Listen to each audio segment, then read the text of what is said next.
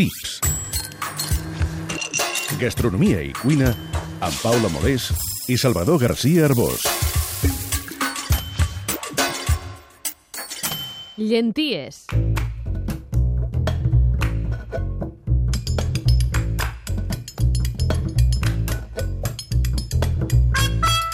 Tu et vendries per un plat de llenties com va fer Esaú, fill d'Isaac i net d'Abraham?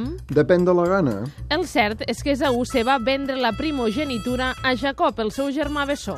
Per exigències del guió, per explicar que la voluntat racional i el sacrifici per obtenir la glòria són més lloables que el desig primari i condemnable. Jacob també podia haver estat generós, és veritat, i compartir quatre cullerades a canvi de res, amb un germà desesperat per un menjar tan senzill. Durant la Grècia clàssica, les llenties eren considerades una menja espartana en tots els sentits, una menja de les classes populars sovint cuinada amb vinagre i espècies. La llentia és probablement el llegum conreat més antic, contemporània del blat i la cibada. El seu territori natal és el sud-est asiàtic, però actualment el Canadà produeix el 40% dels llegums que se mengen al món i és el país que més llenties produeix. Moltes van a parar a l'Índia, que en menja tantes que no en té prou amb el seu propi conreu.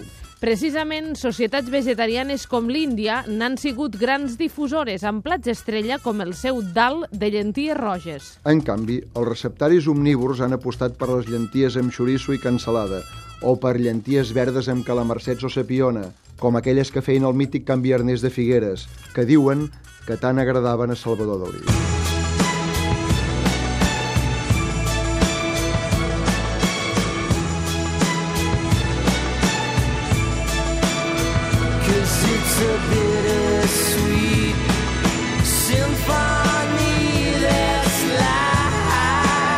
Disposem d'una bona sinfonia de llenties. El fruit de la lents culinaris pot ser groga, taronja, roja, verda, bruna o negra. I algunes tenen renom com la del Puy francesa, amb denominació d'origen protegida, la pardina o la beluga negra, també coneguda com llentia caviar, perquè realment és una delícia. Quasi fins després de la Guerra Civil, les llenties no entren a la quotidianitat. Dins la família dels llegums, les llenties tenen la sort de no necessitar remull i es cuinen molt ràpid. Això tot ho fa més fàcil i vet aquí són les que més fem a casa. Per sort, els mandrosos i els que corren tenim les tendes de llegums cuits, un fast food que no valorem prou.